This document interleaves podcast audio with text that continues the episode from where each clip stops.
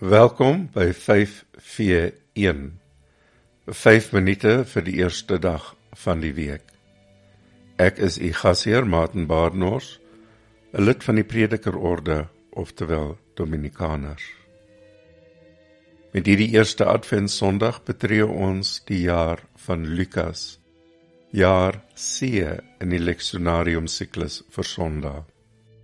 Toe die tempel in 70 na Christus deur die Romeine verwoes is as deel van die onderdrukking van die eerste Joodse opstand teen Rome, het die wêreld tot 'n einde gekom vir die Judeërs van daardie tyd.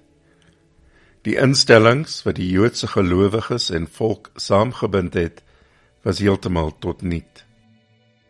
Dit was die einde van die wêreld soos hulle dit geken het. As ons daaroor nadink, het die bekende wêreld vele kere in die laaste eeu tot 'n einde gekom. Radio en beeldsending het alles verander. Die atoombom het alles verander. Stralervliegtuie het alles verander. Ruimtevaart het alles verander. Die val van die kommunisme het alles verander. Die einde van apartheid het alles verander. Die internet het alles verander. September die 11de het alles verander. Die finansiële instorting van 2008 het alles verander. Sneller klimaatsverandering is besig om alles te verander. COVID is besig om alles te verander. Die onsekerheid oor die toekoms van die demokrasie is besig om alles te verander. Al ons ou sekerhede het oor die afgelope eeu verdamp. Mense is op soek na sekerhede al is hulle vals. Daar is een sekerheid wat ons voorgehou word hierdie eerste Sondag in die Adventstyd. Dit is die uitstorting van die heerlikheid van die seun van die mens. Soos ons na Jesus se woorde in Lukas luister, kan ons maklik in ons verbeelding vir Jesus in sy heerlikheid op die wolke sien aanstorm Dit is nie 'n juise beeld nie. Jesus getuig van die seun van die mens in 'n wolk. Dit is die wolk by Sinai, die beskermwolk teenwoordig gedurende die woestynwandeling, die wolk by Jesus se doop, die wolk teenwoordig by sy verheerliking, die wolk en duisternis van sy dood.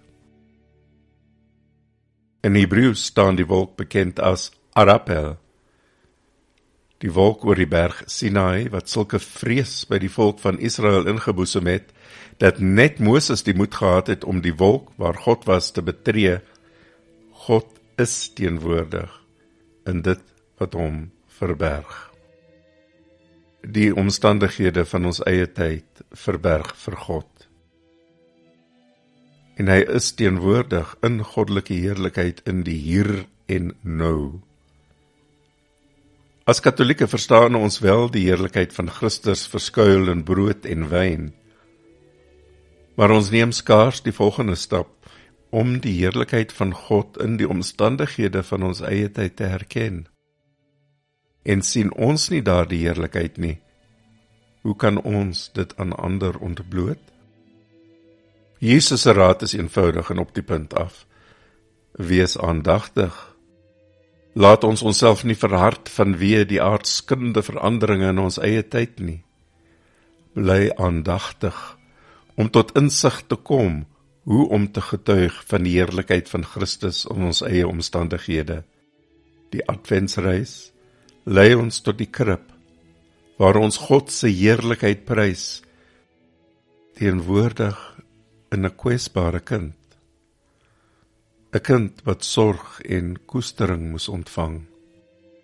Om sorg en koester uit te stort op die kwesbares, die vervreemdes en verdruktes van ons eie tyd, help ons om die heerlikheid van God te herken.